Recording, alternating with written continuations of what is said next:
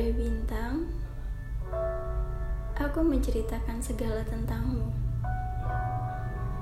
Tepat di antara susunan konstelasi asterik yang terjaring rapi pada awan malam.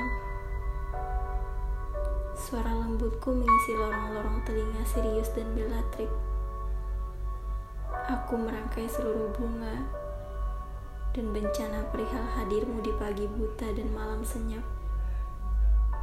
Aku bercerita tentangmu kepada jutaan saksi cahaya atas netraku yang berbinar dan bibir bergetar. Rasanya, jikalau hanya kujabar dengan rangkai suara dan aksara, maka kamus dan arsip dalam perpustakaanku sangat miskin makna. Tentangmu, aku ingin semalam saja terdampar di dalam pulau